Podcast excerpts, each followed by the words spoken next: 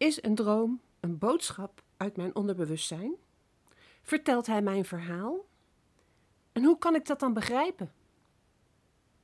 Ik ben Jolanda Helverstein en ik kan mezelf een echte dromer noemen.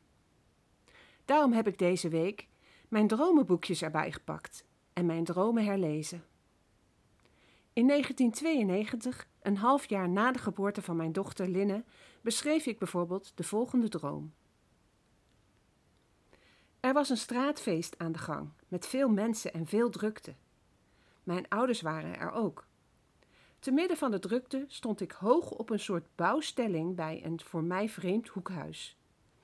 Ik was er opgeklommen via het bovenraam, want dat bleek de enige weg naar het feest. Het was een stelling die niet alleen aan de zijkant open was, maar ook de loopvlakken waren zo open dat je er echt goed op moest letten waar je liep, anders viel je naar beneden. Het gevolg? Ik stond op de stelling en durfde niet meer voor of achteruit.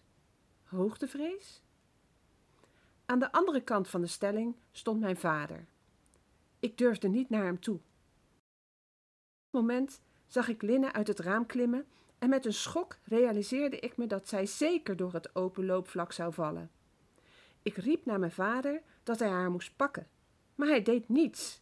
Ik schreeuwde en ik werd wakker. Ik stapte uit bed en realiseerde me dat het maar een droom was. Maar toen ik weer probeerde in te slapen, ja, wat gebeurde er dan verder? In mijn Spiritualiteit Normaal of Bijzonder podcast zal ik in gesprekken met jongeren spreken over dromen en ook andere spirituele ervaringen zullen de revue passeren. Het wordt een zoektocht naar antwoorden in deze tijd. Fijn dat je wilde luisteren naar de trailer. In de eerste aflevering van mijn podcast zal ik mij verder voorstellen. Ik heb er zin in en kijk er enorm naar uit. Je droom verlaat, verlaat.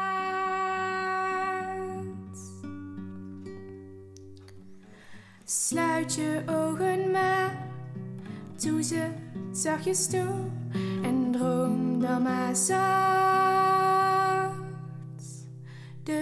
boze dingen uit jou.